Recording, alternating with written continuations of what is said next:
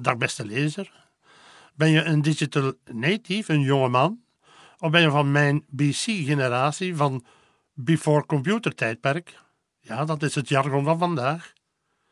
Maar, beste lezer, ben je geïnteresseerd in het reilen en zeilen van de politieke uh, evolutie vanaf de jaren 60, zowel voor België als in Europa? Dan heb ik hier een zeer interessante, zeer boeiende uh, aanrader voor jullie. Titel: Memoires. Auteur Jean-Luc Dehane.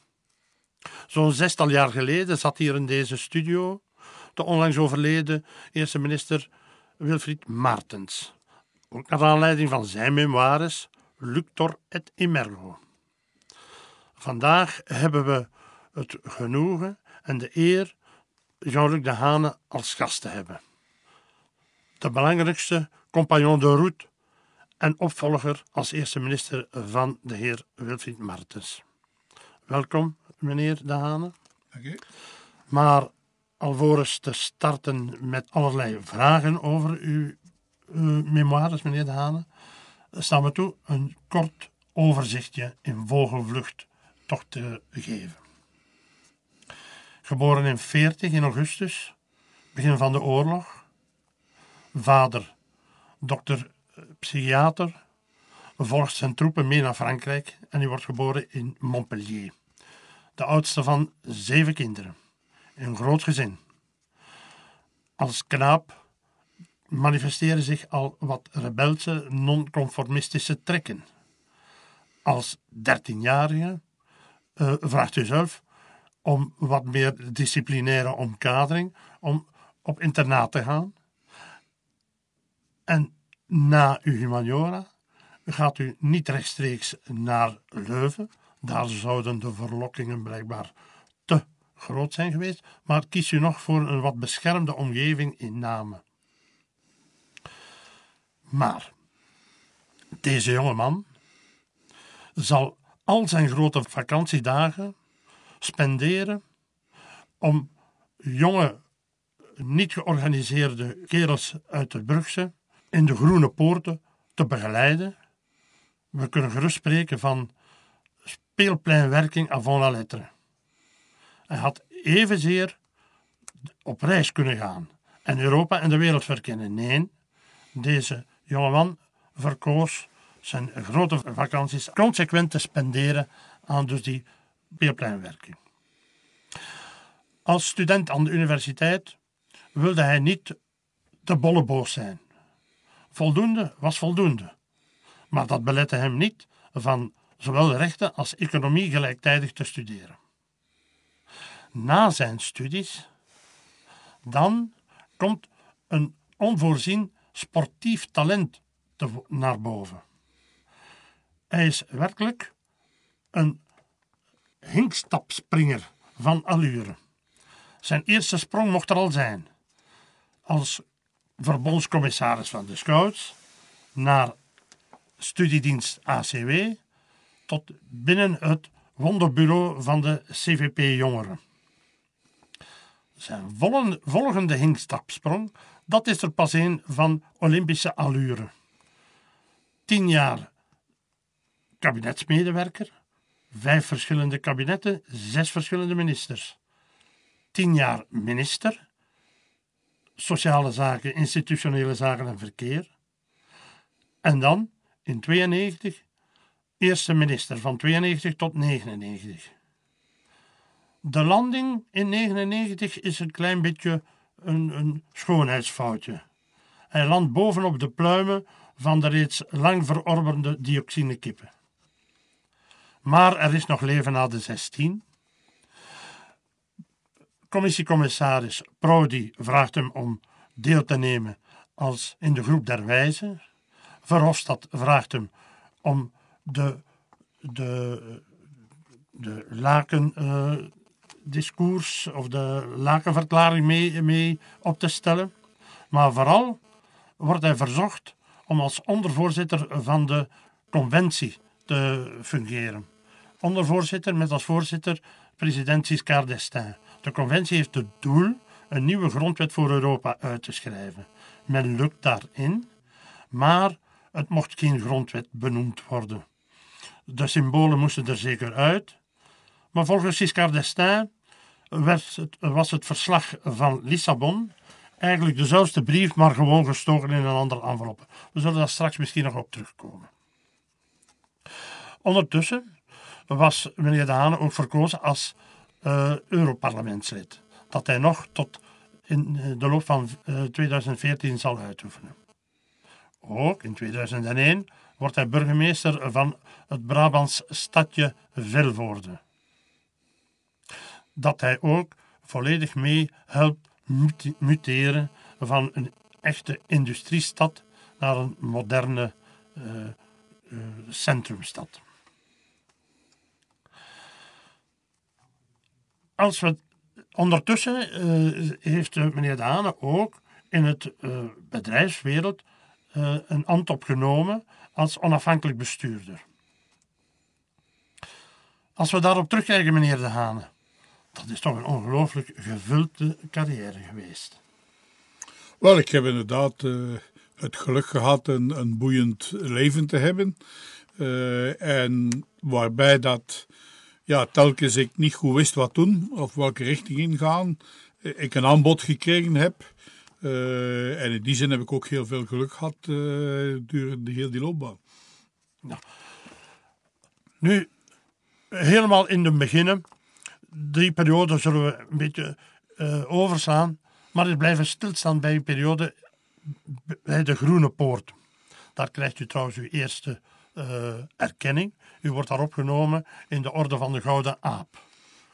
Nu, wat motiveert een opgroeiende kerel om eigenlijk zich te engageren, jaar in, jaar uit, gedurende jaren toch, om de grote vakantie eigenlijk op te offeren voor de jeugd van Brugge? Oh, gedeeltelijk uh, een, een sterk uh, maatschappelijk aanvoelen en, en, en inzet uh, die ik van mijn ouders gekregen heb. die ik ook voor een deel bij de scouts meegekregen heb, vanuit het idee Goede Daad. Aan de andere kant ook een deel nonconformisme of zich afzetten tegen het burgerlijk milieu waar ik uitkwam. En waar ik me meer thuis voelde tussen al die rakkers van de verschillende parochies van het Brugse. Heb ik later ook teruggevonden als ik een tijd ook de Giro gedaan heb op mijn parochie. en dat, dat inzetten is eigenlijk een rode draad gebleven doorheen mijn verdere loopbaan wat inderdaad ook opvalt in heel uw loopbaan, meneer De Hane, is uw loyaliteit van instellingen en principes gedurende heel uw, uw leven. De principes van de scouts, maar ook de uitgangspunten van het ACW en uw getrouwheid niet tegenstaande toch, toch eh, binnen, de binnen de CVP, die tegenstaande daar ook toch heel wat, wat weerstand in de beginperiode zijn geweest. Ja, inderdaad. Uh, maar ik ben inderdaad, uh, als ik me engageer, dan doe ik het ook volledig. en ja, ik ben in de Scouts en daarna in het ACW en in de Christelijke Volkspartij voor een stuk vanuit familietraditie geraakt. het was een, nog een tijd waarin dat de verzuiling dominerend was en, en waar uh, de lijn werd doorgetrokken uh, dat je in diezelfde familie bleef. Uh, vandaag zouden mijn engagementen misschien iets verschillend liggen omdat de, die openheid er meer is. Maar ik, heb, ik ben trouw gebleven aan die inzet die de scouts mij gegeven hebben. en ben ook binnen de CVP ook altijd trouw gebleven aan eh, de ACW-familie. Ook al heb ik daar vaak gebotst door in het beleid dat ik moest doen. Maar ik heb altijd heel sterk gewaardeerd dat men vanuit het ACW, uh, wetende dat het mij, op mij kon rekenen, zij mij ook altijd gesteund hebben, ook in moeilijke periodes. Om nu terug te komen op uw eerste hinkstapsprong en vooral de landing binnen het Wonderbureau. Daar zijn drie grote manifesten uit voortgekomen, waar u, u zelf vooral de pen roerde. Laten we eerst eens blijven stilstaan bij het autonomiemanifest. De inhoud was wel degelijk een federaal manifest. Waarom hebben jullie dat autonomiemanifest genoemd? Wel, omdat we binnen uh, de CVP werkten. Uh, en federalisme was toen een vloek uh, binnen de CVP. Dat was het programma van de Volksunie. En daar zette men zich tegen af. En we wisten dat als we dat uh, federalisme zouden genoemd hebben, uh, dat we dan wellicht uh, geen gehoor zouden vinden. Daarentegen was de CVP grote voorstander van de culturele autonomie. En vandaar dat we dit manifest autonomie genoemd hebben. nu, dit manifest had ook het kenmerk die ook de drie andere manifesten hadden. Met name dat we een doel op lange termijn voorop zetten. En dit had je inderdaad federalisme kunnen noemen. Maar dat we dan een eerste etappe omschreven als een stap naar dat einddoel. Uh, en ja, telkens werden we eigenlijk in de discussie gevat op het einddoel, terwijl dat wij vooral belangrijk vonden dat er een eerste stap zou gezet worden. En uh, vandaar dat wij bijvoorbeeld uh, de regeringen van, van de Boeinans en ook van uh, Gaston IJskes toen steunden, omdat die die eerste stap verwezenlijkten. Ook al was dit voor hen misschien de laatste stap, maar wij beschouwden het als een eerste stap. Uh, en we zijn altijd zo blijven werken van stapsgewijze uh, het einddoel proberen te benaderen. Uh, die eerste stap te zetten en dan zien hoe die eerste stap verloopt. Vooraleer dat je dan de tweede stap uh, gaat gaan definiëren, maar steeds met dat einddoel voor ogen. Inderdaad, dat is ook een zeer belangrijk kenmerk van uw benadering, een pragmatische benadering. Wel het doel goed voor ogen houden, maar in haalbare stappen daarop afgaan. Nu, wat mij toch ook opviel in, de, in die tekst rond het autonomiemanifest, binnen de CDMV of CVP van vroeger, uh, had je dus een strekking van de taalflaminganten die er eigenlijk vanuit gingen, zich baserend eigenlijk op de filosofie van Frans van Kouwelaars, de meerderheid zou wel behaald worden. En de Vlaamse meerderheid zou eigenlijk op termijn het land België uh, naar zijn hand kunnen zetten.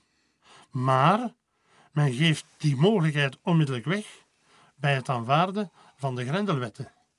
Dat is toch een, eh, een paradox, dat is toch een tegenspraak? Dat is inderdaad een paradox. Uh, maar het is inderdaad zo dat uh, Van Kouwelaert de taal, cultuur, onderwijs, dat hij belangrijk vond dat daar de Vlamingen bij wijze van spreken baas en eigen huis zouden zijn. En dat ze dan in België met de, de wetten van het getal en van de meerderheid het heft in handen zouden nemen. Nu, in Wallonië uh, was het eigenlijk juist het omgekeerde. Uh, daar had men geen vraag naar culturele autonomie, omdat de Franse taal in België toch domineerde. Uh, maar daar had men heel sterke vraag naar economisch autonomie, omdat men juist vreesde dat de Vlaamse overmacht niets zou doen voor de reconversie van Wallonië uh, Waalse economie, die gedomineerd was door staal en steenkool, die dus geleidelijk in verval zat. En waar men vreesde vanuit uh, Wallonië dat Vlaanderen dat gewoon zou laten gaan en dat Vlaanderen ondertussen gebruik makende van de Europese eenheidsmarkt en van zijn economische maagdelijkheid en de reserve aan werklozen, uh, dat Vlaanderen dan volop van de expansie van Europa zou genieten. En dus indien je uit de spanningen wil, wou geraken, en dat was dan onze analyse uh, als CVP-jongeren, uh, dan moet je die autonomie aan beide kanten een kans geven en moet je tot echt een federale aanpak komen, waar men zowel daar waar gewenst autonomie geeft op cultureel, sociaal en ook op economisch vlak. Eh, Ja, ja, dat is het federaal benadering. Maar denk je niet dat Van Kouwelaar zeer moeilijk zou gehad hebben met eh, het aanvaarden van die grendelwetten? Oh, misschien wel, maar, maar laten we zeggen dat eh, het mij toch wel eh, in die zin normaal lijkt, ook al heeft men dat toen vanuit de Volksunie grendelwetten genoemd, lijkt het mij normaal dat in een land, vooral dan in een tweeledig land, dat je moeilijk hervormingen van de, de, de basiswetten van het land, dat je die moeilijk kunt opleggen, de ene gemeenschap ten opzichte van de andere. Eh, en vandaar dat dus de optie die IJskes genomen heeft in 70 met de culturele autonomie, was dat je maar kon vooruitgaan als er een akkoord was tussen eh, de beide gemeenschappen met een meerderheid in iedere taalgroep. Eh, en ik denk dat dat een gezond principe is, dat ook gemaakt heeft dat België steeds nieuwe stappen gezet heeft op basis van een ruim akkoord eh, dat over twee derde meerderheid en een meerderheid in iedere taalgroep kon beschikken. Eh, alleen is daarbij essentieel eh, dat men moet bereid zijn tot te praten. En wanneer de minderheid, in dit geval de Franstaligen, die wetten gebruiken als mogelijkheid om een veto te stellen, ja, dan loopt het verkeerd. En dat is exact wat gebeurd is na 2007 dat de Franstaligen zegden: wij vragen niks en we stappen ook in geen akkoord. Eh, en dit heeft dan inderdaad geleid tot eh, twee à drie jaar eh, non-governo, omdat men niet meer vooruit geraakte en dat het communautaire het gehele blokkeerde. Maar we hebben een, een gelijkaardige situatie gekend. Zij het dan omgekeerd dat de Vlamingen toen op het economische vlak niet wilden vooruitgaan. tussen eh, het Egmond-pact en eh, de wetten van 1980, eh, waar ook toen onder druk van de Waalse PS toen men vooruit wou en waar vooral vanuit de CVP men zich niet aan de akkoorden hield en waardoor dat we daar toen ook een jaar of drie, vier gehad hebben van wat men toen Malgoverno genoemd heeft. Goed. U komt dan in uw eerste kabinetservaring terecht bij uh, Jos de Sager. Die eh, doet heel wat grote investeringen op gebied van mobiliteit, autosnelwegen, bouwen. En hij gebruikt daar een techniek, schrijft u, van debudgettering. Kan je dat toch eens uitleggen wat dat, dat eigenlijk inhoudt? En wat dat... de- de- dat is een techniek waarbij dat men eh, een, eh, bijvoorbeeld een autostrade aanlegt, eh, daar een intercommunale voor opricht en dan die intercommunale laat leningen aangaan eh, om die autostrade te maken. En heel die constructie buit, blijft buiten de begroting, maar die moet natuurlijk wel betaald worden. Eh, en die sluipt dan met terugbetalingen en zo meer langs een omweg eh, terug in de begroting. Maar daardoor eh, kan men ja, dingen financieren waarvoor men niet onmiddellijk de middelen heeft. Maar het nadeel daarvan is dat je een verborgen schuld opbouwt die men niet ziet, maar die dan als een boemerang vroeg of laat terugkomt. Maar ik moet zeggen, die techniek heb ik toen inderdaad bekritiseerd. Maar aan de andere kant eh, heeft ze de zager toegelaten van op tien jaar tijd ons autostradenwet uit te bouwen. eh, met een zeer grote efficiëntie. Eh, en gelukkig heeft, is het toen in die tijd, het te zeggen in de jaren, zeven, in de jaren 60, begin jaren 70 kunnen gebeuren. Want daarna is de groene golf gekomen en zou wellicht een ganse reeks van die autostrades op enorm veel verzet gestoten zijn. En zou België, dat ten achter stond met zijn autostradeweg, eh, waarschijnlijk eh, dat net nooit gehad hebben. Dus de Sage heeft een, een enorme verdienste. Maar het heeft een kostprijs gehad die mede aan de basis ligt van onze hoge schuld. hetzelfde fenomeen heeft hij, want hij was op een bepaald moment ook eh, verantwoordelijk voor de gezondheidssector en voor de bouw van klinieken, geloof ik. Ja, hij heeft hetzelfde systeem gebruikt voor bouw van klinieken, voor bouw van waterzuiveringsstations.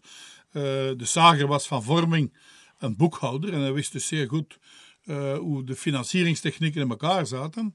En hij had ook een techniek die vandaag niet meer zal pakken. maar door het feit dat je een investering doet, betalen die natuurlijk op verschillende jaren af. En de Sage had de gewoonte om zijn krediet te bekomen van te zeggen: volgend jaar kost dat niets. Uh, en effectief, in het daarop volgende jaar moest je niks betalen. Maar hij vergat erbij te zeggen dat je dan de volgende jaren wel moest betalen en dat je ook met die schuld zat. Uh, maar in die tijd was dat nog zoiets uh, waar je de ministers voor een stuk om de tuin kon leiden op die, met die, op die manier. En dan komt uiteraard de eerste petroleumcrisis dat heeft onmiddellijk zeer zware complicaties en gevolgen voor onder meer de index. En om dat mechanisme, u was toen al op het kabinet van Economische Zaken terechtgekomen, werd er een prijzenstop afgekondigd, wat eigenlijk voor een stuk index uh, manipulerend was. En ik herinner me dat er een enorme prijsstijging van de aardappelen op komst was. En je hebt dan van een Amerika heel wat aardappelen laten importeren, waarvan dat de smaak blijkbaar ondermaats was, alleen juist goed genoeg om fritten mee te bakken. Ja, dat is een van mijn heldendaden, zou ik zeggen. Maar niet vergeten dat we toen uh, een inflatie hadden uh, die, die tot 14, 15 procent ging. Uh, en ja, daar kwam dan bovenop, want een index is eigenlijk een korf van producten. En toen zat de aardappel daar voor de groenten heel zwaar in. En uh, men had mij verwittigd dat er een heel slechte oogstopkomst was. En dus hadden we de aardappelprijs laten gaan, dan zou dat de index werkelijk uit de pan doen vliegen hebben. En ik heb toen effectief de aardappelprijs geblokkeerd, maar dan moest ik ook zorgen dat er in de winkels uh, aardappels aan die prijs waren. En de enige oplossing was dan van Amerikaanse aardappelen in te voeren. Eh, die inderdaad niet heel smaakvol waren. Uh, die zeker niet aan de Belgische smaak beantwoorden, maar die toch in de winkels lagen en daardoor kon de prijs opgenomen worden door de ambtenaren en is de index niet uit de pan gevlogen. En ik heb uit deze periode altijd een Amerikaanse patattenzak overgehouden die lange tijd in mijn garage gehangen heeft. Maar ik ben nu verhuisd naar een appartement en nu is die patattenzak verdwenen. Goed, dan hebben we de jaren van het Egmond-pact. Uh, daar gaan we niet te veel bij stil blijven staan. Maar op een bepaald moment, dat uh, heeft tot uh, gevolg dat er een politieke crisis komt. En Van de Moeilands als tussenpersoon manoeuvreert dat de eerste regering van Wilfried Martens tot stand komt. En u wordt dan kabinetchef. En volgens Van den Boeinans had gij toen uw vestimentaire gewoontes wat moeten aanpassen en een das uh, moeten gaan gebruiken. En dan, plotsklaps, krijgt u een das aangeboden door Karel van Tilo. Een persoon die we in uw humaniora-periode ook even zijn tegengekomen. En dan verdwijnt hij twintig jaar uit het vizier. Plotseling komt... Wie was die Karel van Tilo? Uh, Karel van Tilo was de zoon van een... Uh Antwerpse dokter, uh, die om ongeveer dezelfde reden als ik uh, in het pensionaat in Aalst was verzeild geraakt. En hij was in de gans retorica-tijd, was, gans die periode in, bij de Jezuïten in Aalst, was dat mijn beste vriend. In de retorica zijn we trouwens met twee voor drie dagen buiten gevlogen, omdat we een varken in de studie hadden losgelaten. Uh, en uh, toen reeds zei de prefect tegen mijn vader: uh, Ik moest ze wel straffen, maar eigenlijk zijn het goede kerels en ik ben zeker dat er een van de twee bij de Jezuïten zal binnengaan. ik heb lange, lange tijd gevreesd dat ik dat was, maar blijkbaar wist hij toen al dat mijn vriend Karel van Tillo bij de Jezuïten zou binnengaan. en toen zijn we wat van elkaar vervreemd, omdat hij uh, heel sterk uh, gekneed werd door dat uh, hij is later dan pastoor, studentenpastoor geworden in Antwerpen, waar mijn huidige schoonbroer student was. En op die manier heb ik hem dan opnieuw ontmoet. en hebben we opnieuw, zij het niet zo intens als in de collegetijd, hebben we opnieuw contact gehad. En hij is jammer genoeg een paar jaar geleden overleden. Ja, excuseer hoor, maar dat uh, fascineerde mij toch een beetje, de figuur. Omdat je zoveel andere, van zoveel andere mensen die je ontmoet hebt, in voetnoten een korte historiek daarvan gegeven. Zeg, wie was die Karel van Tilo toch? Ja, goed. Dan de jaren tachtig. U Malgoverno, begin jaren tachtig, met vooral de, de Waalse socialisten. In 81 komt daar de breuk dan een klein intermezzo met ijsjes. En dan komt de nieuwe reeks van uh, Wilfried Martens van 5 tot en met 8 of 9, ik weet niet zo precies. En dan wordt u van kabinetchef wordt u minister. Minister van Institutionele Zaken, minister van Sociale Zaken en van Verkeer van 82 tot 92. Daar ligt heel wat moeilijkheden op uw weg. De staalproblemen, rakettenproblemen, Hapar, het spijt me, maar Hapar achteraf gezien, alhoewel dat die figuur decennia lang de actualiteit heeft gehaald, maar achteraf gezien is dat toch maar een hakkefietje in de politieke geschiedenis geworden. De staalperikelen, daar is in een bepaald moment sprake van de doden zullen het Waalse staal betalen. Kan je dat even toelichten?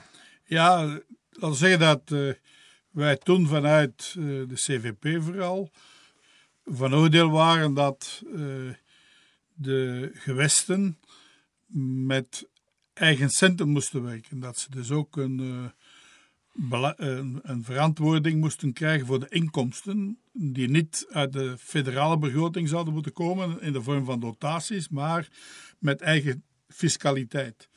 Uh, en bij de hervorming van 80 had men uh, het staal en de steenkolen had men die nationaal gehouden. Uh, ze werden trouwens de nationale sectoren gehouden. En wanneer dat dus bleek dat er heel veel geld zou nodig zijn om de staalnijverheid, die vooral Waals was, recht te trekken, hebben wij gezegd: ja, goed, dit kan maar als uiteindelijk ook steenkool en staal naar de gewesten gaan.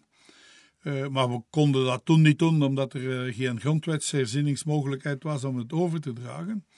En uh, we hebben toen gezegd, goed, wel, dan gaan we, zoals we vroeger gedaan hadden met de gewestelijke bevoegdheden, gaan we die, in afwachting dat ze overgedragen worden, gaan we die laten beheren door een Vlaams en een Waals ministercomité binnen de federale regering. En de financiering daarvan die moet gebeuren met wat op termijn ook eigen uh, Vlaamse en Waalse en Brusselse middelen zouden worden, uh, met name de successierechten. En dus hebben we uh, die financiering gedeeltelijk met successierechten gefinancierd. En vandaar dus dat we zegden dat de doden het staal zouden financieren. Als minister van Sociale Zaken kwam u voor de situatie te staan dat de sociale zekerheid bijna failliet was. Daar gingen toen al stemmen op, onder meer door Guy Verhofstadt, om tabula rasa te maken en revolutionair een volledig nieuw systeem uit te bouwen. U was daar absoluut geen voorstander van. Uw pragmatische aanpak kennende zou u stap voor stap de hervormingen die nodig waren uh, gaan doorvoeren. En daarvoor had deed u beroep op een, ik kan niet meer zeggen precies maar die dan een kruispuntbank zou op poten zetten. Wat was eigenlijk de zin en nut van zo'n kruispuntbank? Wel, de, de, het is inderdaad zo dat uh, ik toen uh, voor het eerst in de clinch ben moeten gaan met, met Guy Verhofstadt. Uh, waar we heel vaak beide, nu bijvoorbeeld ook op het Europese vlak, dezelfde doelstellingen hebben, maar waar Guy uh, eigenlijk onmiddellijk naar het einddoel wil gaan. Terwijl dat ik altijd trouw gebleven ben aan mijn pragmatische methode van inderdaad het einddoel voor ogen te houden, maar stapsgewijs te werk te gaan. En dat heb ik inderdaad ook gedaan voor de sociale zekerheid. Uh, en een van de zaken die ik toen vastgesteld heb, is dat de sociale zekerheid heel sterk in uh, zuilen was georganiseerd. Kinderbijslag, ziekteverzekering, werkloosheid, pensioenen. Dat werd allemaal autonoom beheerd en er was geen band tussen die verschillende zaken.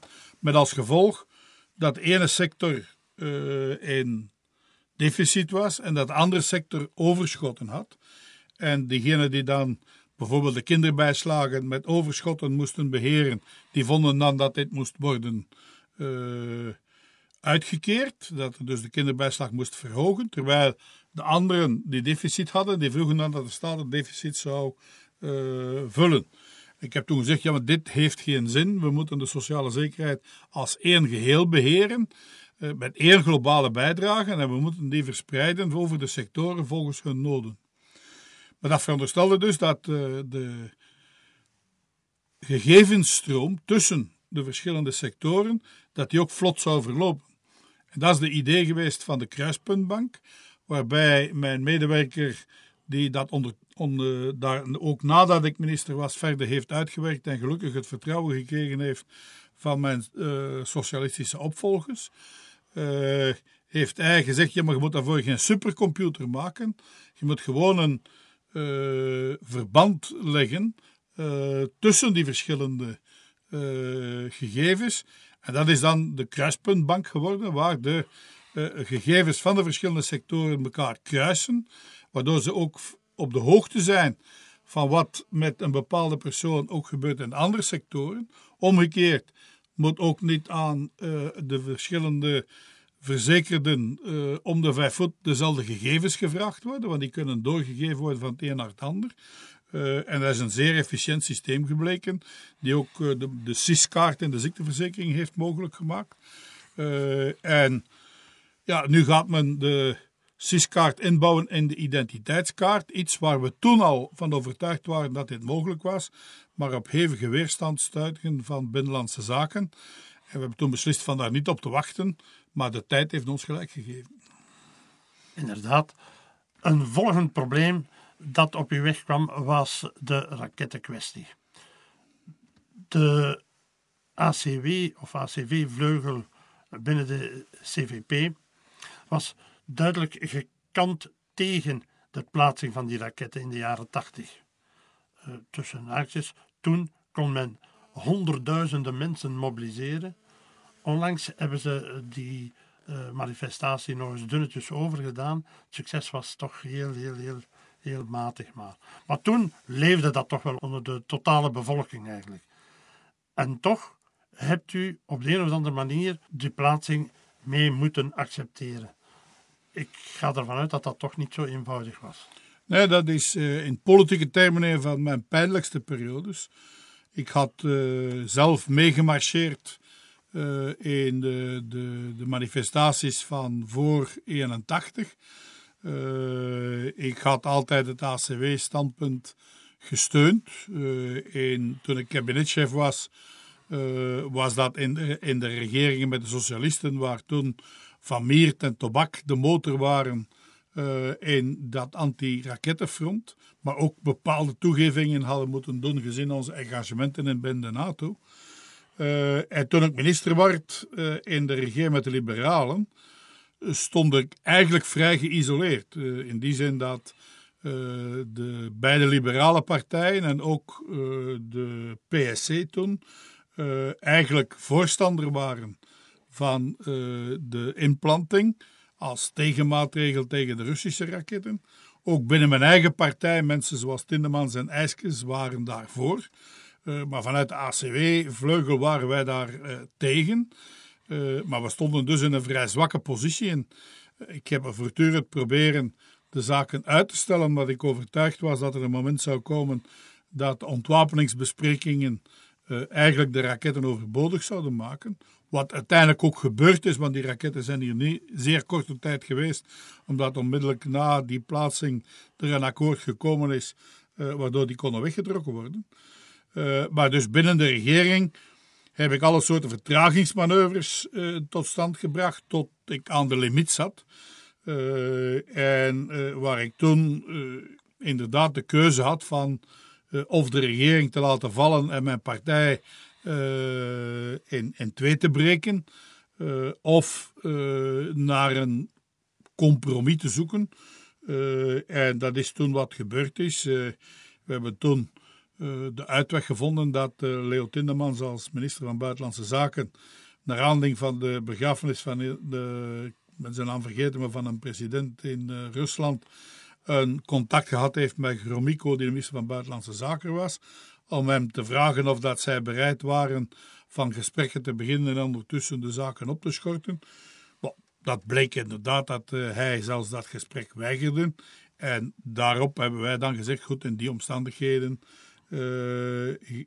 kan of kunnen die raketten geplaatst worden. En Wilfried Martens heeft toen de geniale zet gehad van uh, die te laten overkomen uh, nog voor er in het parlement gestemd is, zodat er een fait accompli was. Ja.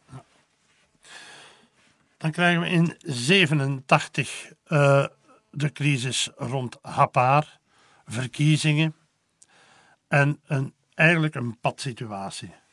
Sieren geeft nog 100 dagen, dat uh, uh, dateert van die periode.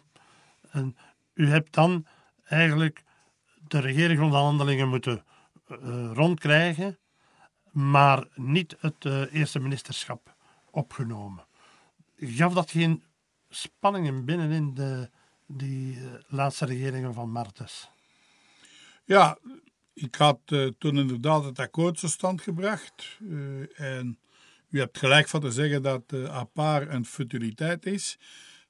maar anderzijds was Vlaanderen zodanig opgehitst door de provocaties van Hapar, dat we eigenlijk die frustraties gebruikt hebben om verdere stappen te zetten in de staatshervorming.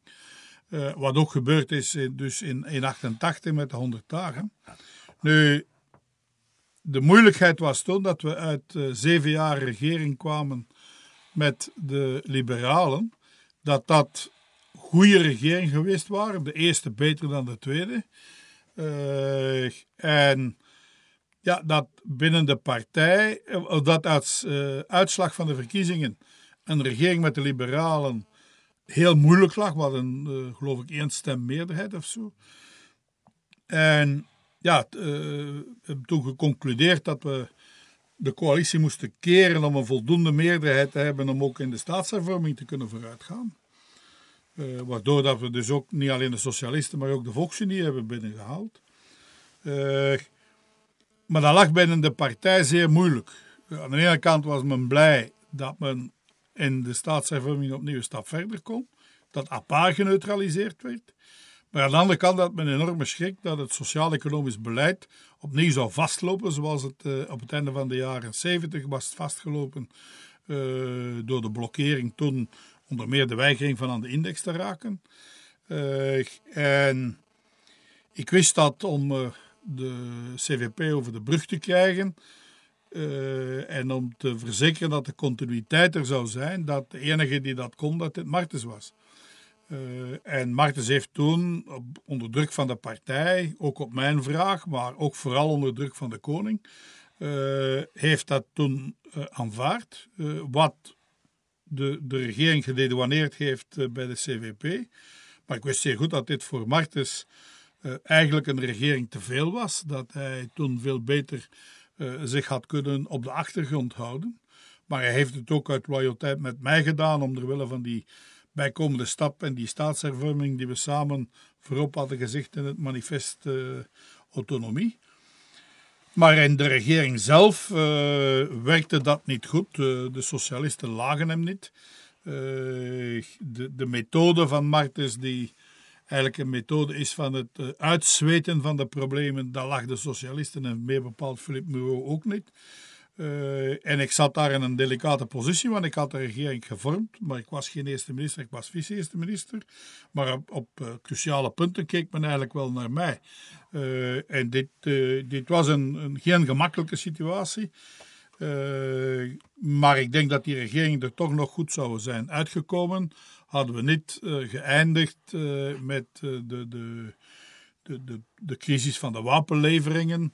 Uh, waar uh, in, in Vlaanderen, vooral vanuit uh, de VRT of op de VRT, daar een karikatuur werd van gemaakt waarbij dat wij ons totaal hadden laten doen door de Walen die absoluut die wapens wilden leveren omdat die door FN waren gemaakt. En dit heeft dan geleid tot wat men achteraf de, de Zwarte Zondag genoemd heeft, met de doorbraak van het Vlaams Blok. en dus een heel moeilijke politieke situatie. Ja, uiteraard, maar het optreden van Philippe Moreau was toch ook nogal provocatief, toch, dacht ik. Hè? Ja, maar Moreau is inderdaad voor een stuk een provocateur. Maar het probleem is dat hij uh, effectief dreigde met wat we toen de atoombom noemden. Met name dat hij de Vlaam het Waals gewest uh, die vergunning zou laten geven. Uh, Moreau heeft die verklaring afgelegd bij het binnengaan van de ministerraad waar we naar een oplossing moesten zoeken. Hij wist niet dat wij ondertussen tijdens de nacht een compromis hadden uitgewerkt. hij was daarvan niet op de hoogte. En dus heeft hij een verklaring afgelegd om druk uit te oefenen die eigenlijk niet meer nodig was. Maar toen wij buiten kwamen en vernamen wat hij verklaard had, wisten we dat dit in Vlaanderen een, een, afschuwelijke indruk ging geven. En vandaar dat we toen ook heel heftig gereageerd hebben, wat kwaad was geschied. De verwezenlijkingen op uh, institutioneel vlak in die periode is uiteraard de overheveling van het onderwijs en ook het tot stand komen van de financieringswet die financieringswet was eigenlijk, dacht ik, bedoeld om een tiental jaren mee te gaan. En eigenlijk heeft ze toch, is ze toch blijven voortduren tot, tot nu met het vlinderakkoord, nee? In zekere zin wel. In die zin dat de filosofie van de financieringswet in de geest van uiteindelijk moeten we uitmonden tot financiële verantwoordelijkheid en dus eigen financiering, eigen belastingen. Uh, maar dat kan niet van dag op de nacht. En vandaar dat we dus een tienjarenplan hadden waarbij dat de dotaties werden verdeeld op basis van de personenbelasting. Maar dat, was, dat verschil was zodanig groot dat we dat dus tien jaar zouden opzetten. En de geest waarin dat we dit deden, was dat we dan na tien jaar er kon aan denken van de personenbelasting als gewestelijke belasting over te hevelen. Uh, jammer genoeg uh, heeft de Paarse regering onder leiding van Verhofstadt met het Lambermont-akkoord uh, niet van die gelegenheid gebruik gemaakt om dat om te zetten, maar hebben ze bijkomende financiering gegeven aan de beide gewesten, hoewel het Vlaamse dat minder nodig had, zonder dat dit gepaard ging met bevoegdheidsoverdracht, wat later effectief door Reinders en Freya van den Bossen, die toen minister van Begroting was, ook erkend dat men daar voor een deel de financiering van de federale staat heeft ondermijnd door daar bijkomende financiering te geven zonder bijkomende bevoegdheden. Dan komt de Zwarte Zondag. En ook voor u was dat een ongelooflijk moeilijke periode. U dacht er toen de brui aan te geven. Inderdaad, de, de, de die Zwarte Zondag eh, is werkelijk eh, als een grote klap gekomen. Ik had die niet zien aankomen. Uh, en, maar de ganse sfeer die gecreëerd werd rond de, de, de wapenleveringen heeft daar ongetwijfeld toe bijgedragen. er was een algemene rale bol. Stemmen voor het Vlaams Blok was niet zozeer stemmen voor Vlaamse onafhankelijkheid, was stemmen tegen vreemdelingen, maar ook stemmen tegen de politiek als dusdanig. En dat werd eigenlijk nog het best uh, vertolkt door de verkiezing van Van Rossum, die drie zetels haalde. En die in de gevangenis zat. Dat was dus werkelijk een karikatuur. en dit kwam bij mij zwaar aan. Dat, dat je zei, ja, waarom moet je het nog voortdoen als, als, je, als je werk toch niet gewaardeerd wordt en in tegendeel je zulke een klap krijgt. en ik heb er toen inderdaad aan gedacht van de, de politiek te, te verlaten. Ik heb toen contacten gehad uh, met het ACW om te zeggen, bon, laat mij daar binnen uw kader verder werken. Uh, daar waren ook oplossingen in de maak. Uh, maar toen zijn de omstandigheden van die aard geweest dat Herman van Rompuy, die toen voorzitter van de CVP was, op zeker ogenblik bij mij gekomen is en gezegd, ja, we geraken er niet uit. je zult opnieuw moeten proberen een oplossing te vinden. Mag ik uw naam suggereren aan de koning? En ik heb toen gezegd, oké, als dat kan helpen, moet je dit doen. En van het ene is dan het andere gekomen. Inderdaad. Dan in 92 start de eerste regering De Hane. Dus inderdaad onder een niet al te rooskleurig gesternte. Maar vrij snel keert zich dat. U lukt erin, weliswaar met de gesprekken van gemeenschap tot gemeenschap te organiseren, om het Sint-Michielsakkoord te realiseren. Achteraf lukt het u ook van via globaal plan ervoor te zorgen dat wij in de euro kunnen instappen. Wat op zich eigenlijk ook al een, een, klein mirakel mag genoemd worden, omdat eerst getracht werd van een globaal pact te realiseren met de sociale partners, maar dat is dan uh, mislukt. En toch lukt het u van een globaal plan te realiseren. Was dat niet de weerstand van de sociale partners niet, niet zo groot dan? Of? eh? Ja, het is inderdaad zo dat uh, niemand die regering, die trouwens een noodregering genoemd werd, een lang leven gaf. Uh, in het begin dreigde het trouwens te mislopen, omdat de eerste dialoog van gemeenschap tot gemeenschap mislukt was. we hebben daar gelukkig de draad kunnen heropnemen en eerst een akkoord binnen de regering gemaakt, die, die dan later gesteund werd door de Groenen en door de Volksunie. Waardoor dat we dus uh, die, die, die, die fase van de staatshervorming, die eigenlijk al voorzien was in 88, konden realiseren. Uh, maar we, de, de, we wisten dat de, de, de, belangrijke doelstelling ook was van uh, het land klaar te maken voor de muntunie. ik heb geprobeerd van dit met de sociale partners te doen. Maar die onderhandeling met de sociale partners die was ook niet uh, nutteloos. In die zin dat je daar heel goed kon aftasten tot wat ze bereid waren. En, en, dat je kon afmeten, wat ik altijd genoemd heb, kon afmeten hoe ver je te ver kon gaan. Met name verder gaan dan waar zij mee akkoord gingen. Uh, maar toch niet te ver, zodanig dat het niet tot een, een, definitieve breuk zou komen. En dat is de afweging die we met het globaal plan gedaan hebben. En wat een van de illustraties is van de manier waarop dat ik ook met het ACW eh, ben blijven werken. Van duidelijk te zeggen, jullie zijn verantwoordelijk vanuit arbeidersstandpunt of werknemersstandpunt. Ik ben verantwoordelijk voor het algemeen belang. Ik ga heel sterk naar jullie luisteren. maar uiteindelijk is het de politiek die verantwoordelijkheid moet nemen. En gelukkig zijn ook de socialisten daar, in tegenstelling tot het einde van de jaren 70, zijn ook de socialisten uh, daarin meegestapt. En heeft het globaal plan ons in staat gesteld van een trendbreuk te verwezenlijken, die uiteindelijk geleid heeft tot de, de, de, aanvaarding of het slagen in ons examen om in de munten te kunnen binnenkomen. en dat was inderdaad geen evidentie. En het is een van de zaken waar ik inderdaad nog heel fier over ben dat we daarin geslaagd zijn. Ik wil nog even terugkomen op het Sint-Michielsakkoord. Dat was eigenlijk, zoals u dat ook noemde, het dak op het huis, op het gebouw van, van het federaal systeem.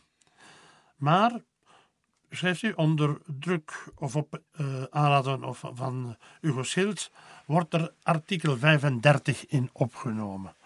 Uh, mag ik vragen, meneer De Hane, wilt u eens lezing geven van artikel 35? Dat ga ik met plezier doen. De federale overheid is slechts bevoegd voor de aangelegenheden van de grondwet en de wetten, krachtens de grondwet zelf uitgevaardigd, en haar uitdrukkelijk toekennen. De gemeenschappen en gewesten zijn, ieder wat hen betreft, bevoegd voor de overige aangelegenheden onder de voorwaarden en op de wijze bepaald bij de wet. Deze wet moet worden aangenomen met een meerderheid bepaald in artikel 4 laatste lid. Dat wil dus zeggen met twee derde meerderheid en een meerderheid in elke taalgroep.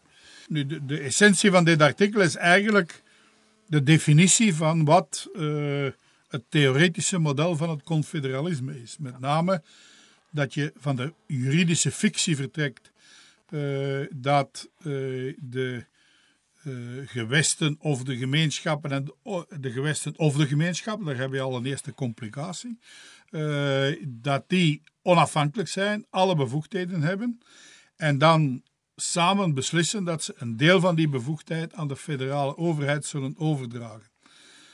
Dat is natuurlijk een complete juridische fictie.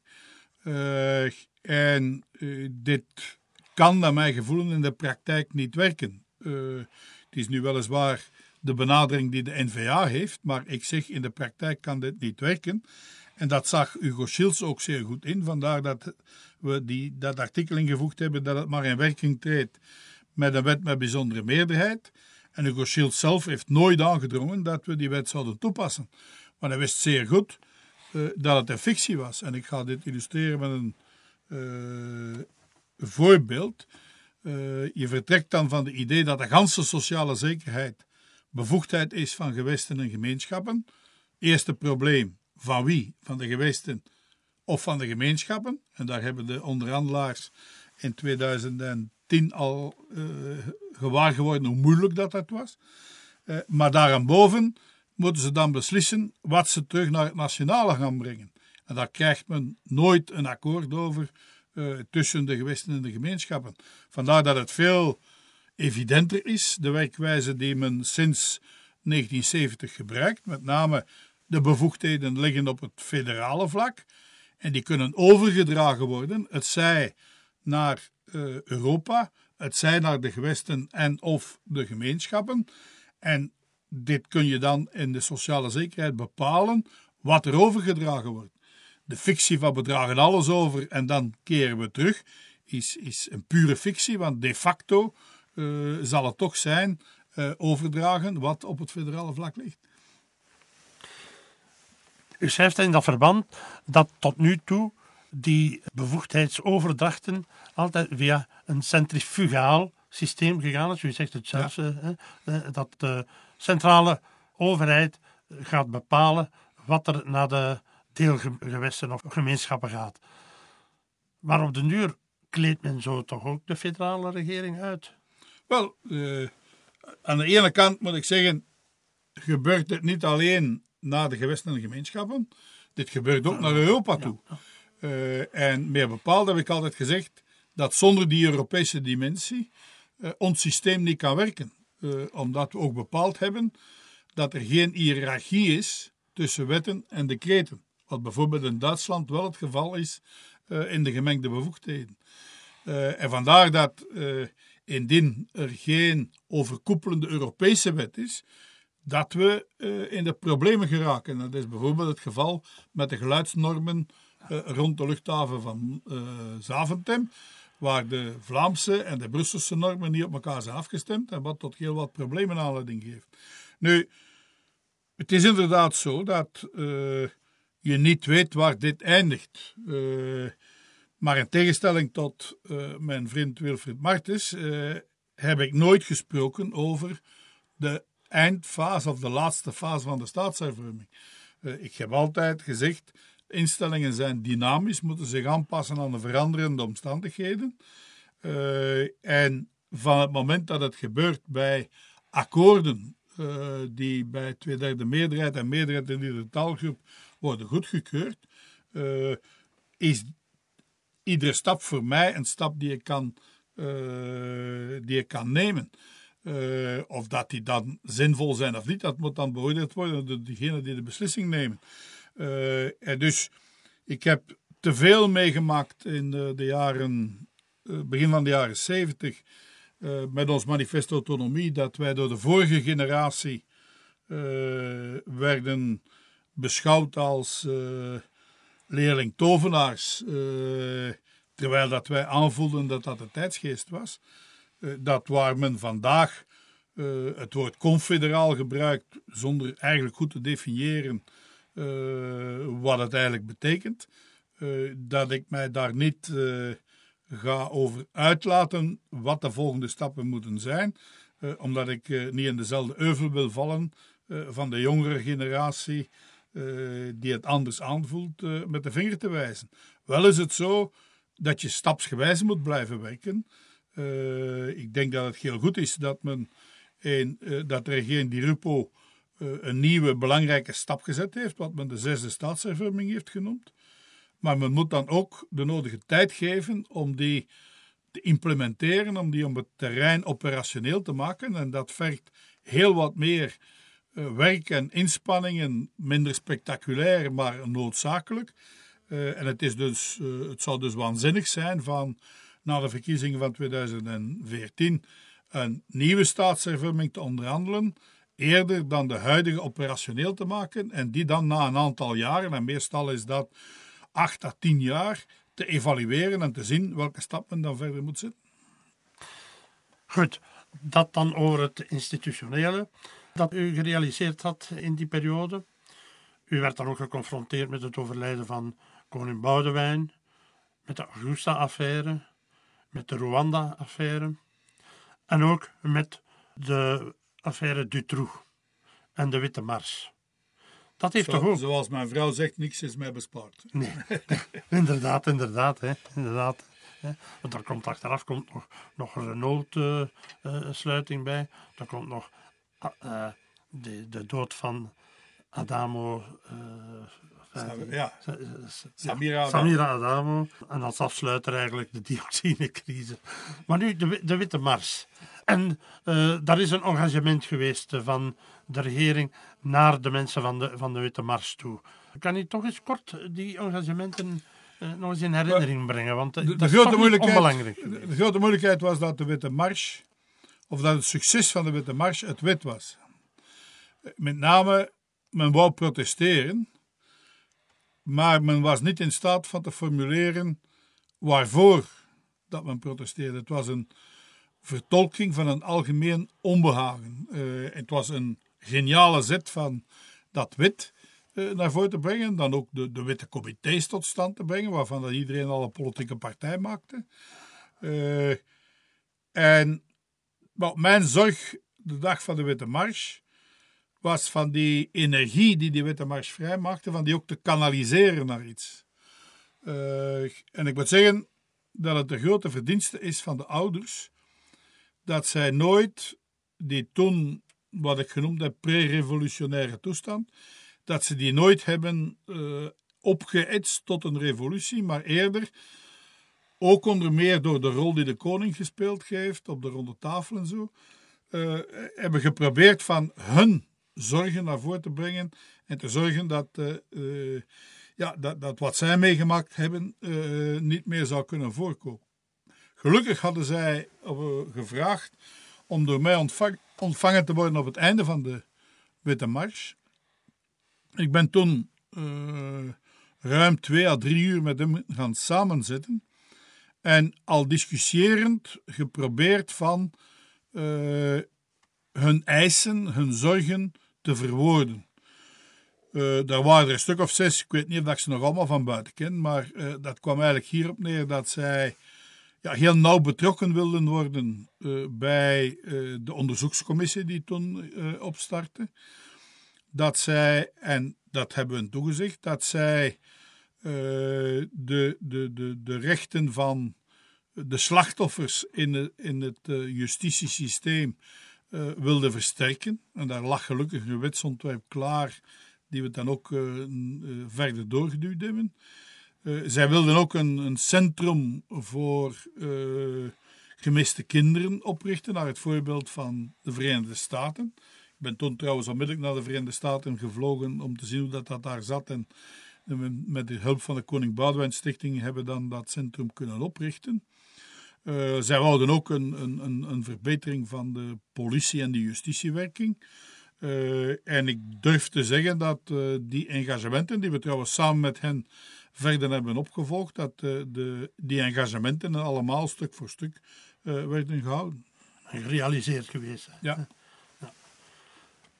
Een volgend heikel punt was de sluiting van Renault Vilvoorde, dat op uw pad lag. Dat zal toch ook wel voor u als Vilvoordenaar pijnlijk geweest zijn? Het was een heel pijnlijke situatie. Eh, vooral in de manier waarop Renault het toen heeft aangepakt. Eh, ja, eigenlijk totaal verkeerd. Zij, dachten er goed aan te doen eh, van mij daarvan op de hoogte te brengen.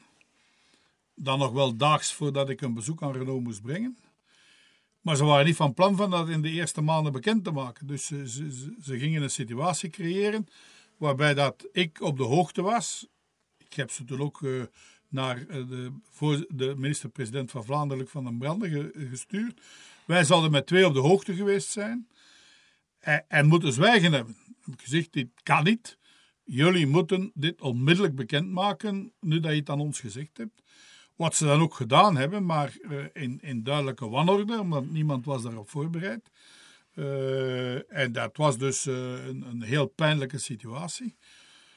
Maar aan de andere kant had ik een dubbel gevoel. Het was een heel pijnlijke situatie, maar aan de andere kant was het eigenlijk voor mij ook geen verrassing uh, dat dit zou komen, omdat ik al vroeger voorspeld had dat uh, de automobielassemblage dat dat uh, onze volgende koolmijnen zouden zijn. Dat de markt, de Europese automarkt, verzadigd was. dat er een, veel, een overproductie was op de Europese markt dat er een groeiende vraag naar auto's was in Azië, in Zuid-Amerika, in Rusland.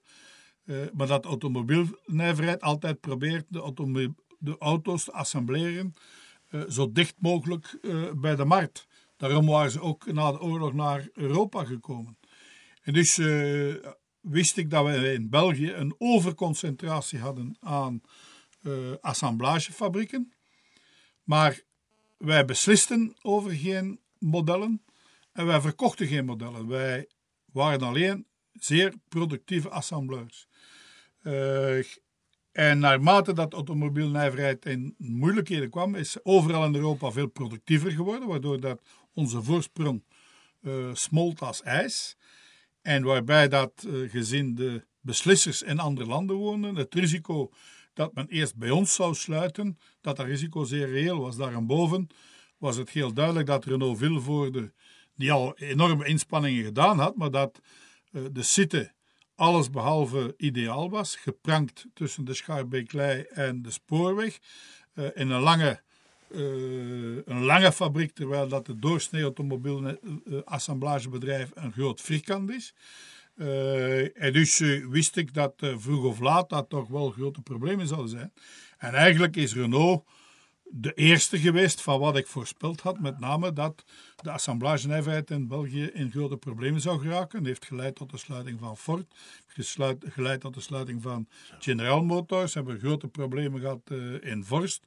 We, uh, we, krijgen ook dreiging uh, bij Volvo.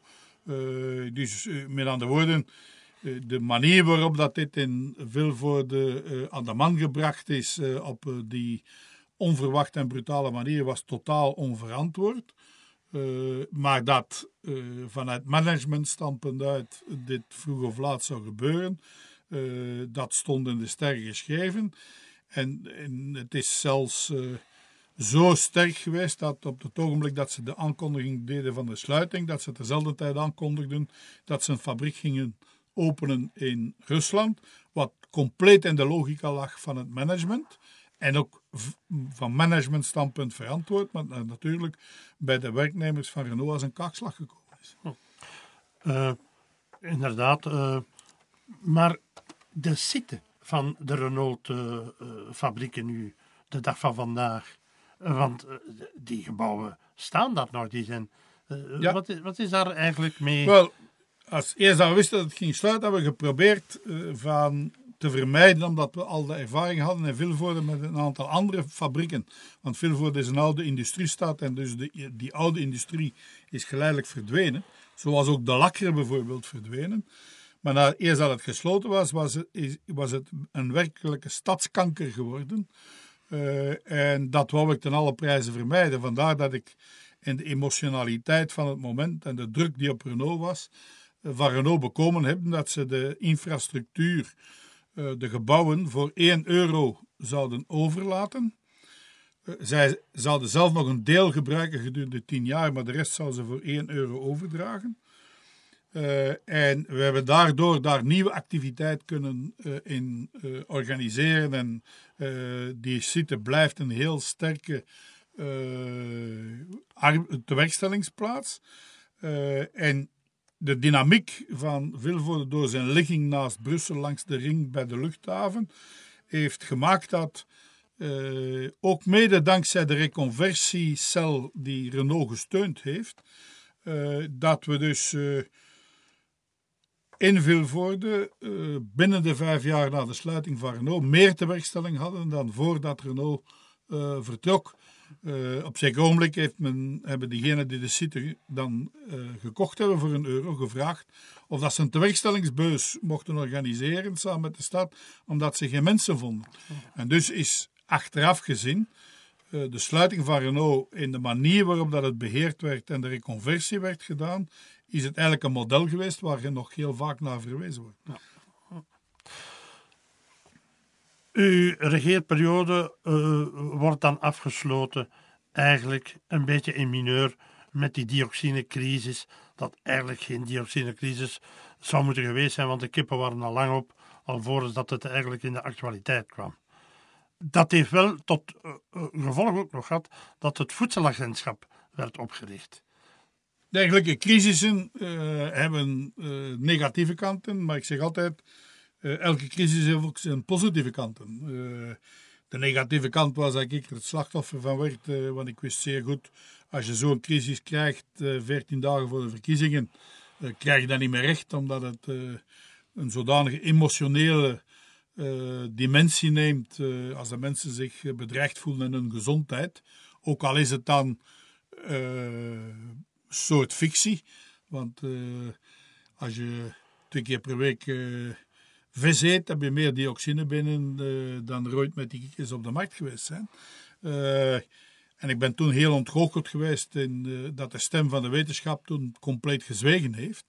Maar ik wist dus dat in deze, deze emotionele, in, in, deze emotionaliteit het onmogelijk was om goed uit de verkiezingen te komen. En vooral Agalev heeft daarvan geprofiteerd. Uh, maar tezelfde tijd is het dan de, de motor geweest om uh, het voedsellandschap op te richten. Uh, wat inderdaad een, een, groot tekort was in onze voedselketen en vooral de controle op de voedselketen. En de, dit is dan een positief gevolg ervan. Nadien kwamen dus de Paarse regeringen aan bod. U schrijft dat de begrotingen wel in orde waren, in evenwicht waren. Het was dan ook de periode van, van behoorlijke groei. Maar er was iets uh, fout met het primair saldo. Kan je dat toch eens even duiden? Wat, wat, ja. wat, wat verschil is er tussen begroting en primair saldo? Wel, de, de, de, de, regeer, de Paarse regering waren kampioenen in de perceptie. En als je inderdaad kunt zeggen dat je je begroting in evenwicht hebt, terwijl de meeste landen in Europa het op dat ogenblik niet in evenwicht hadden, uh, dan geef je de indruk dat je serieus bezig bent. En effectief, daarmee heb je geen ontsporing. Maar uh, wij hadden uh, in uh, de periode voor de toetreding tot de muntunie, hadden wij ons afgestemd niet op het deficit, maar op het primair saldo. Wat is het primair saldo? Dat is het verschil tussen de, uw inkomsten en uw uitgaven, zonder rekening te houden met uw interestlasten. Met als gevolg dat als je daar een primair saldo kunt tot stand brengen, een positief saldo, en aan de andere kant uw interestvoeten dalen en dus ook uw interestlasten, eh, dan krijg je automatisch een positief effect op je schuld. Want je moet minder uitgeven aan uw interestlasten. Je hebt een overschot op uw uh, verschil tussen inkomsten en uitgaven. En daardoor uh, vermindert uw schuld automatisch. Uh, en de bedoeling, als wij naar de verkiezingen gaan zijn in 1999, was van dat primair saldo nog, dat toen 7% bedroeg, van dat nog vier of vijf jaar vol te houden, totdat onze schuld dicht bij de vereiste 60% zou zijn gekomen. De Paarse regering heeft dat objectief van primair saldo opgegeven, omdat ze ook een zeer heterogene regering was, uh, waarbij elk van de partners toch zijn suikertje moest hebben. Uh, waardoor dat ze dus de uitgaven opnieuw hebben laten stijgen uh, tot een primair saldo van, tot een begrotings van nul, interestlasten inbegrepen. Uh, maar daardoor uh, is de schuld veel minder snel afgebouwd. En wist men op voorhand dat indien men opnieuw in de problemen zou geraken, met bijvoorbeeld minder groei, dat men opnieuw inderdaad ook problemen met de publieke financiën zouden gehad hebben. Wat dan ook gebleken is in 2007 en 2008. Uh, en ik heb ook, zoals ik daar zei, die Paarse regering ook heel wat geld overgedragen naar de gewesten en de gemeenschappen, waardoor dat ze dus de federale regering uh, met een uh, nog grotere opdracht gaf, te meer omdat ze dus geen besparingen doorgaven naar uh, de gewesten en de gemeenschappen. en dus hebben ze voor een deel het werk dat wij opgebouwd hadden op weg naar de, de, de, federa naar, naar de euro, euro hebben ze dat voor een deel laten verwateren. Wat ze wel, en dat wil ik ook wel duidelijk zeggen, wat ze wel ook al is dat bij mijn partij controversieel. Maar wat ze wel uh, gedaan hebben is de stop van de ethische problematiek van de fles gehaald. daar waar de CVP in de periode van de jaren 90, de jaren 80, jaren 90, elk gesprek daarover weigerde, gebruik makende van zijn getal. Maar eens dat je dat, dat getal niet meer hebt om het tegen te houden, ja, moet je ook niet verwonderd zijn dat dan de sluizen openspringen. Uh, maar dat werd stilkens aan toch wel, ook zeker na de weigering van koning Boudewijn om te tekenen, de abortuswet, werd dat toch wel een uh, hypotheek op de Belgische politiek. En dat heeft de Paarse regering toch wel weggenomen. Ja.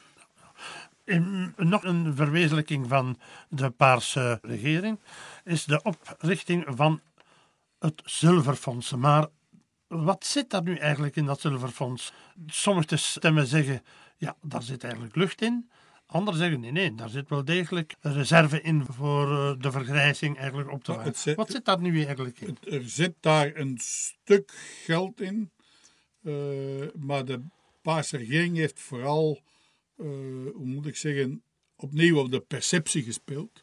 En dat was wel het voordeel van te spreken van dat zilverfonds, omdat dat ja, min of meer zichtbaar werd gemaakt. Uh, maar dat had maar zin indien men uh, daar structureel ieder jaar een, een, een, bedrag zou ingezet hebben. terwijl dat men nu alleen maar de, de, toevallige overschotten daarin gezet heeft. Waardoor dat het eigenlijk pure perceptie is geworden en geen bijdrage tot uh, de, de, de, de, demografische uitdaging. Vandaar dat men veel beter het primair saldo had gehouden, zodat je structureel die schuld uh, kon afbouwen. Dat is qua perceptie misschien klinkt dat minder goed dan zilverfondsen, maar het is veel efficiënter. Laten we ons nu eens terug tot Europa keren. De conventie, die de bedoeling had een grondwet uit te schrijven daar eigenlijk ook in gelukt is, maar voor een deel teruggefloten werd. Het mocht absoluut niet de benaming grondwet krijgen. Heeft Giscard d'Estaing gelijk dat het eigenlijk wel dezelfde brief is die maar gewoon in een andere envelop is gestoken, of was er toch meer aan de hand? Wat, zeg, wat eruit gekomen is met het verdrag van Lissabon is inderdaad uh, het, uh, wat wij in de conventie hadden geproduceerd als grondwet, uh, met wegnemen van een aantal symbolen. Bijvoorbeeld uh, de vlag is dat, het, het, Europese volkslied is dat en zo meer. Uh, psychologisch hebben we wellicht een fout begaan van dit grondwet te noemen. Want het was eigenlijk geen grondwet, het was gewoon een verdrag dat in de vorm van een grondwet wou proberen van een zo'n basistekst te maken voor Europa.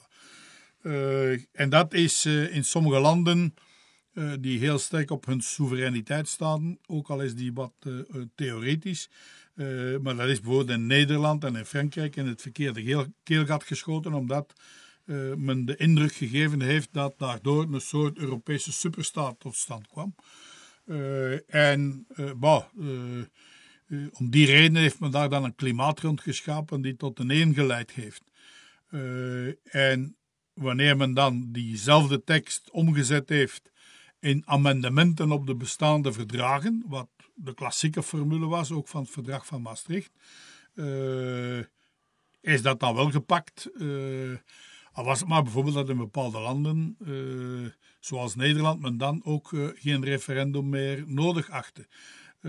Dus in, in, in die zin is het mislukken van de grondwet meer een perceptieprobleem, want in realiteit zijn de verdragen aangepast zoals door, de grondwet, door die Europese grondwet werd gesuggereerd. Op een bepaald moment stelde zich de vraag in Europa: verdieping of verruiming? Uiteindelijk heeft men gekozen voor verruiming. Was het toch niet beter geweest van eerst de verdieping eigenlijk wat meer ja. Onder ogen te nemen? Theoretisch wel, uh, maar praktisch niet. Uh, de enige uitweg was wat we destijds in Kopenhagen in uh, eh, 2003 gedaan hebben. Met name zeggen dat men terzelfde tijd moest verruimen en verdiepen. Verruimen betekende dat de landen die zouden binnenkomen een enorme inspanning moesten doen om zich aan te passen aan Europa, onder meer de Europese wetgeving in hun nationale wetgeving inbouwen. Wat dus een heel moeilijke opdracht was. En aan de andere kant zou terzelfde tijd uh, de Europese Unie zich klaarmaken om de nieuwe lidstaten te ontvangen. Maar men heeft in Amsterdam en in Nice een poging gedaan uh, om uh, dat te doen, maar men is binnen Europa daar niet in geslaagd. Terwijl anderzijds de, de nieuwe lidstaten, de kandidaatlidstaten, er wel in slaagden van de hervormingen te doen die Europa hen oplegde. En het was dus not done van te zeggen, jullie hebben uw inspanningen gedaan, maar wij zijn niet klaar, dus je gaat nog wat wachten. Dit, dit uh, is een boodschap die onverkoopbaar was uh, bij de lidstaten. Vandaar uh, dat men het, wanneer het uitbreidingsproces klaar was, dat men het ook heeft laten doorgaan. maar men heeft dan gelukkig de conventie tussenin gehad, waar de nieuwe lidstaten, de kandidaatlidstaten toen nog, volwaardig hebben kunnen aan deelnemen. En dat is een van de factoren geweest die een positieve dynamiek gegeven hebben uh, aan de conventie. Uh, en uh, daardoor heeft men toch wel een, zij het voor mij, onvoldoende stap kunnen zetten naar verdieping. bijna simultaan tussen uitbreiding en verdieping. Laten we nu eens terugkeren met de twee voetjes op Belgische bodem. En in 2001 wordt u burgemeester in Vilvoorde. Nu, uh, waar ik met verwondering heb naar staan kijken, is ook de rol die u van in begin van de jaren 70 al binnen de CVP in het Vilvoordse hebt gespeeld. Het was daar blijkbaar een behoorlijke wespennest in de beginnen. In het begin was het zeker in mijn partij een wespennest, vandaar dat ze dus eh, ook al was ik daar totaal nieuw, uh, op mij beroep hebben gedaan. Ik ben er toen in geslaagd van de verdeeldheid binnen de partij uh, ten einde te maken. van de partij de grootste te maken in de gemeenteraad van Vilvoorde. De burgemeesterfunctie naar de CVP te brengen van, in het begin van de jaren 90. En gedurende de hele periode dat ik in de regering was, niet tegenstaan dat dit volgens de statuten niet kon, heb ik op aandringen van mijn partij uh, ben ik voorzitter gebleven in Vilvoorde. Dat was goed voor Vilvoorde, maar dat was ook uh, voor mij heel positief, omdat het mij verplichtte van geregeld vergaderingen te hebben op het lokale vlak uh, en zo voeling te houden met de realiteit. Dat liet mij ook toe vanuit mijn ministeriële functie dossiers in Vilvoorde vooruit te helpen. en vandaar dat toen ik uh, eerste minister af was in 1999 met de gemeenteraadsverkiezingen in 2000 in perspectief, dat reeds onmiddellijk een aantal kranten geschreven hebben dat, mijn, dat ik mijn ogen op Vilvoorde gericht had. Dat was toen nog niet het geval. Maar ik had wel vroeger al eens gezegd, als ik ooit burgemeester van Vilvoorde wil worden, dat is iets dat ik nog wel graag zou doen. dat er dan in 2000 uh, eh, zijn we de grootste partij gebleven. Dan had ik heel duidelijk gezegd dat we dan ook de burgemeesterfunctie ging, gingen opeisen. Maar dat heeft tot heel wat strubbelingen geleid met uh, de, de VLD die toen de burgemeester had. Uh, ik heb toen alle soorten noodoplossingen moeten inroepen om aan een meerderheid te geraken. Daar zijn we in geslaagd. er was een krappe meerderheid, maar juist daardoor ook een zeer hechte ploeg. En uh, we hebben in, ik heb in Vilvoorde heel wat op gang kunnen brengen. Uh, en uh, dat vind ik ook het boeiende aan de burgemeesterfunctie. Dat is dat je ja, voor een deel ziet wat je doet en dat je ook ziet voor wie het doet. Terwijl je in de federale regering meer abstract moet werken. bijvoorbeeld de schuldberg ben ik nooit tegengekomen. Het sneeuwbaleffect van de begroting heb ik ook nooit gezien. maar ik wist wel dat het een realiteit was. Maar zeker, het is op dat vlak veel dankbaarder van op het, federa op het lokale vlak te werken. Ook al moet je dan, en dat is ook een interessante ervaring, uh, moet je daar dan zien dat uh, de mensen van de burgemeester vooral verwachten dat hij hun rechtstreekse persoonlijke problemen uh, zou oplossen. Hun stoep is belangrijker dan grote projecten dat je voor de stad kunt realiseren.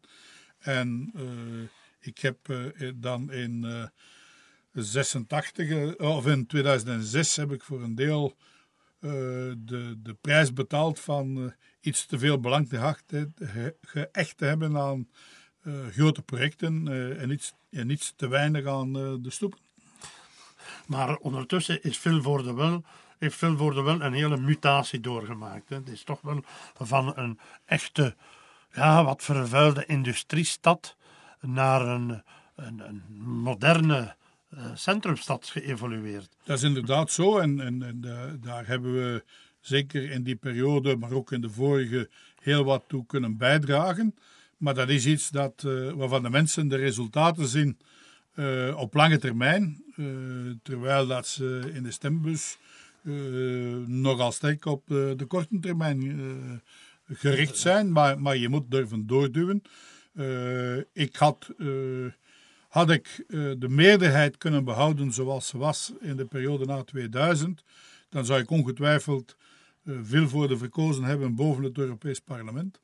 Eh, maar door het feit dat er eh, een nieuwe coalitie moest gemaakt worden, waar nieuwe partijen bij bepaalde VLD moesten in, in opgenomen worden. en wetende wat het inspanningen het vraagt om een ploeg te maken van een scheepcollege, hebben we gezegd, dit ga ik niet meer doen. En ik ga eerder de kans laten aan jongeren om zich voor te bereiden naar de volgende verkiezing.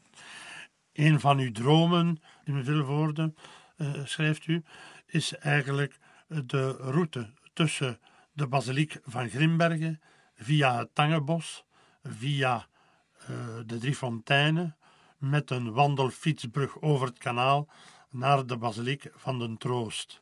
Uh, is, is dat al gerealiseerd ondertussen? Dat is praktisch gerealiseerd op het moeilijkste na, met name de brug over het kanaal. Maar ook ah. daarover is er een akkoord. En daar hebben we heel veel te danken uh, aan de samenwerking met uh, Bos en Groen. vooral met mijn vriend Marcel, die, die, die, die heel wat kredieten heeft vrijgemaakt om Drie Fonteinen te vernieuwen, wat een prachtige realisatie is. en dit, die, dat wandelpad loopt dan ook langs wat ik een van de belangrijkste verwezenlijkingen vind, met name Waterside, waar we het kanaal dat door Vilvoorde altijd buiten de stad gehouden is als een economische as, terwijl in alle steden die doorkruist worden door water, wonen aan het water de charme van de stad maakt. zijn we nu dus het oudste industriële deel van Vilvoorde langs het kanaal tussen Brussel, Schaarbeek, tussen Vilvoorde, Schaarbeek-Lei en het waterzuiveringsstation volledig aan het ombouwen tot wonen aan het water. Eh, waar ik nu zelf trouwens ook woon.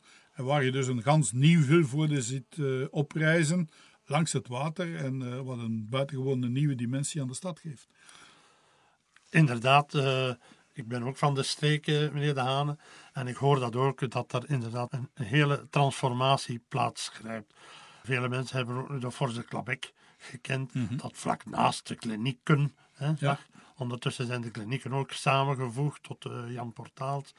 Enfin, er gebeurt heel wat in Vilvoorde.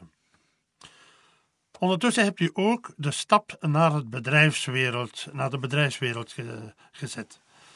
Daar ga ik u niet te veel vragen over stellen, aangezien het na lezing precies toch een beetje boven mijn petje gaat daar ontsnapt mij wel het een en ander. En om te voorkomen van domme vragen te stellen, ga ik, niet, ga ik er gewoon over zwijgen. Maar u bent in die bedrijfswereld vooral ingestapt als onafhankelijk bestuurder. Nu, wat moet ik mij daarbij voorstellen? de term onafhankelijk bestuurder? Onafhankelijk eh, betekent eigenlijk af- onafhankelijk van de aandeelhouders. Dus eh, de, no- normaal gesproken zijn er een, een deel beheerders die rechtstreeks tot de aandeelhouders behoren of tot eh, zo- dusdanige affiniteiten met die aandeelhouders hebben dat ze tot die aandeelhouders behoren. Maar in wat men dan de corporate governance noemt, wil men dat aanvullen met een aantal mensen die meer een benadering hebben, die de belangen van alle stakeholders, zoals men dat noemt, eh, behartigen. Eh, met name ook deze van de werknemers, ook deze van de gemeenschap, maar ook deze van de aandeelhouders. En die dus dat moeten inbrengen in het bedrijfsleven. Eh, ik heb altijd ook, als ik eerste minister was, gezegd dat wij in België veel te veel beschotten hadden tussen de verschillende milieus. Eh, en meer bepaald tussen bedrijfsleven en politiek. Terwijl bijvoorbeeld in de, de Verenigde Staten de overgang van bedrijf naar administratie en terug naar bedrijf een doodnormale zaak is. Waardoor dat je dus een kruisbestuiving krijgt die we, naar mijn gevoel, wat mankeren eh, bij ons. En ik heb dus altijd aangemoedigd dat bedrijfsleiders in de politiek zouden komen en dat politici eh, een rol zouden spelen in het bedrijfsleven. Alleen is om te slagen vereist dat ze zich dan ook in de dynamiek en de logica van het bedrijfsleven, respectievelijk de politiek, stellen. Eh, en daar loopt het soms mis. Eh, je gaat niet in een raad van bestuur van een bedrijf om daaraan politiek te doen. Evenmin als je de illusie moet hebben dat je als bedrijfsleider in de politiek eh, dat gaat leiden zoals een bedrijf. Dat zijn twee verschillende werelden, twee verschillende dynamieken. Eh, maar je kunt wel een stuk van je ervaring inbrengen, van een belichting te geven, eh, maar vanuit het perspectief waar je in zit. En dat zijn de, als sommige mensen in die overgang mislukt zijn, is het omdat ze dat vergeten. Maar heb je als onafhankelijk bestuurder, zoals u zegt, die niet direct bindingen heeft met aandeelhouders, eh, heb je dan wel enige impact? Of, of, Ja, eh, geen directe binding is het woord. Je, je, je, ontmoet dus die eh, aandeelhouders in de raad van bestuur. En dus daar discuteer je ook met elkaar. En ik moet wel toegeven dat ik ook een paar negatieve ervaringen heb. Vooral in bedrijven waar één persoon hoofd, om niet te zeggen enige aandeelhouder is van het bedrijf. Daar blijkt het zeer moeilijk eh, om dat tegenwicht te aanvaarden. Eh, en is die, die enige aandeelhouder eh, geneigd om zijn wil op te leggen. En dat heeft soms tot fricties, laat staan tot mislukkingen geleid in een paar gevallen. Daarentegen in grotere bedrijven waar ik in gezeten heb, zoals Umicore, zoals AB InBev, zoals Lotus Bakeries, is dat een systeem dat vrij goed functioneert en waar die, dat evenwicht gevonden wordt en waar er een wederzijdse verrijking is in, in dat contact tussen aandeelhouders en onafhankelijk beheerders. Is dat eh, wettelijk bepaald dat er onafhankelijke beheerders in... Eh, men, vroeger bes- bestond zelfs dat onderscheid niet. Men heeft dat ingevoerd onder het motto corporate governance, eh, die uit de Verenigde Staten en de anglo-saxische wereld komt. Daar is een conventie tussen eh, bedrijven gemaakt die eh, door de regering eh, werd ondersteund, maar die dus de soepelheid van een conventie had. Onder druk van een aantal incidenten heeft men vanuit het parlement en de regering meer en meer dit in wetten gegoten. Wat ik niet noodzakelijk een goede evolutie vind. Soms is het nodig, maar soms is het ook te rigide, eh, omdat een wet altijd eh, eenvormig voor alle bedrijven moet zijn. Nu, de verschillen tussen de bedrijven zijn van die aard dat je de nodige ruimte moet laten voor aanpassingen aan de situatie van het bedrijf, wat je veel beter kunt met een conventie over corporate governance dan eh, met een te rigide wet. Goed. Om af te sluiten, meneer De Hane, uw laatste hoofdstuk. Daar krijgt men de indruk toch dat u u niet meer thuis voelt in de politieke wereld van vandaag. U maakt een vergelijking dat de overgang van de landbouwmaatschappij naar de industriële maatschappij dat nu de overgang van de industriële naar de informatica-maatschappij, dat dat even grote en belangrijke ingrijpende stappen zijn. En u voelt zich daar blijkbaar niet zo in thuis. De democratie hapert een beetje. De zuilen vallen weg, referentiekaders verdwijnen en eigenlijk komen er te weinig blijkbaar in de plaats. Nu, hoe staat u tegenover de initiatieven of de zienswijze die David van Rijbroek in zijn laatste publicatie uh, naar voren schuift? Nu, dat, zijn laatste publicatie is bij ons nog in aanmaak. Ik heb het zelf nog niet kunnen lezen, spijtig genoeg. Maar ik veronderstel dat u er al eens zicht op gehad hebt. Ja, ik heb zelfs een, een, debat geweest in de zevende dag met uh, David Rijbroek. Ah. hij heeft minstens de verdiensten van erover na te denken. Hij heeft eigen aan de perceptiemaatschappij er een titel op geplakt die niet helemaal de inhoud weergeeft. Het is bijna weg met verkiezingen, terwijl dat helemaal niet de teneur van het boek is. De teneur van het boek is, we moeten naar andere vormen gaan zoeken, juist omdat de maatschappij veranderd is. Men vergeet te gemakkelijk dat de parlementaire democratie zoals we die vandaag kennen, die dateert ook niet van Adam en Eva, die dateert uit de industriële maatschappij die, die dateert uit de tijd uh, dat het belangrijkste communicatiemiddel de krant was. Dus eerder afstandelijk en traag. Terwijl dat je vandaag in een wereld komt waar de instant informatie, maar ook de, de instant reacties de toon aangeven.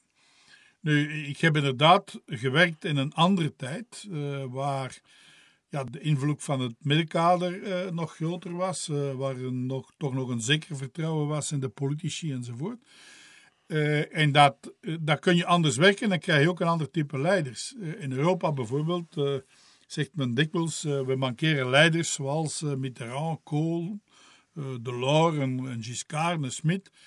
Dan zeg ik, dat is eigenlijk onrechtvaardig voor de leiders van vandaag, want die moeten werken in een totaal verschillende sfeer mensen zoals Kool en Mitterrand, die konden beslissingen op lange termijn nemen.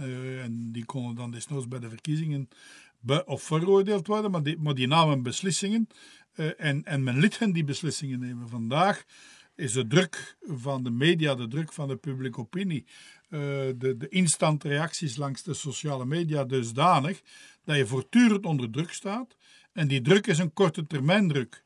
Het is een emotionele druk in, in functie van de omstandigheden van vandaag. Eh, waardoor er eh, heel wat minder ruimte is om, om te werken op lange termijn, wat ik zelf nog heb kunnen doen.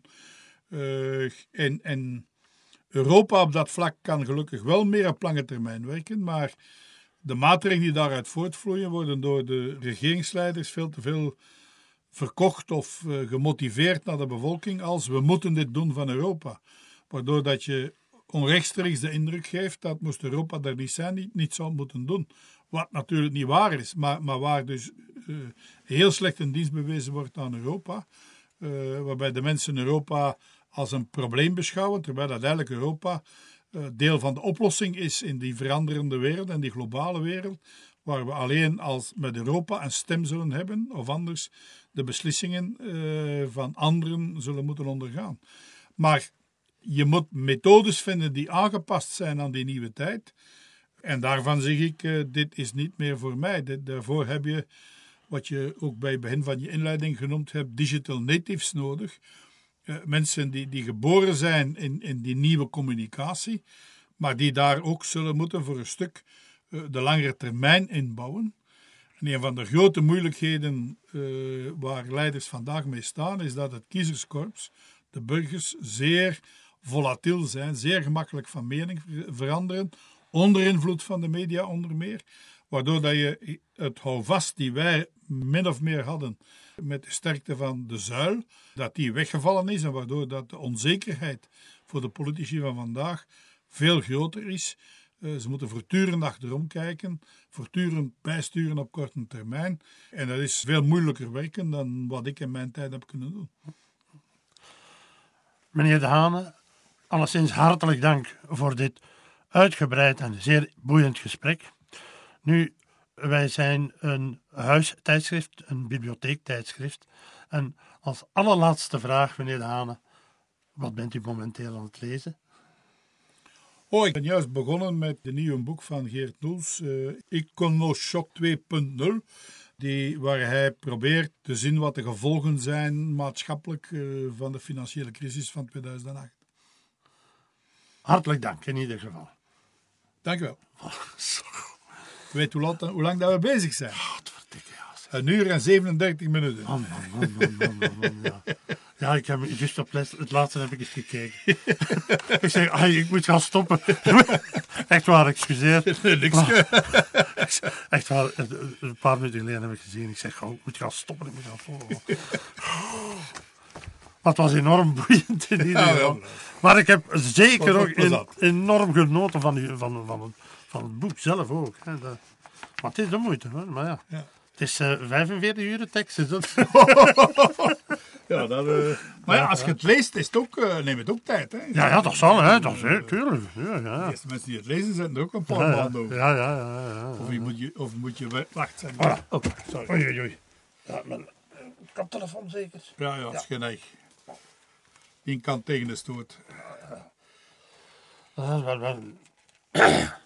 Wel ja, 45 uur, maar dat is inderdaad. Maar dat maakt dus ook, als dat, voordat dat ingelezen is, dat Ja, vraagt tijd, hè, dat vraagt tijd. Hè. Ja, maar nee, wat dingen dat eh, Leo van Akker had mij gezegd. Dat Ah ja, zelf, ja, ja, zelfs zo'n boek had Ja, ja, ingelezen. ja, ja, ja, ja. Ik zeg best dat ze mij dat niet gedaan hebben.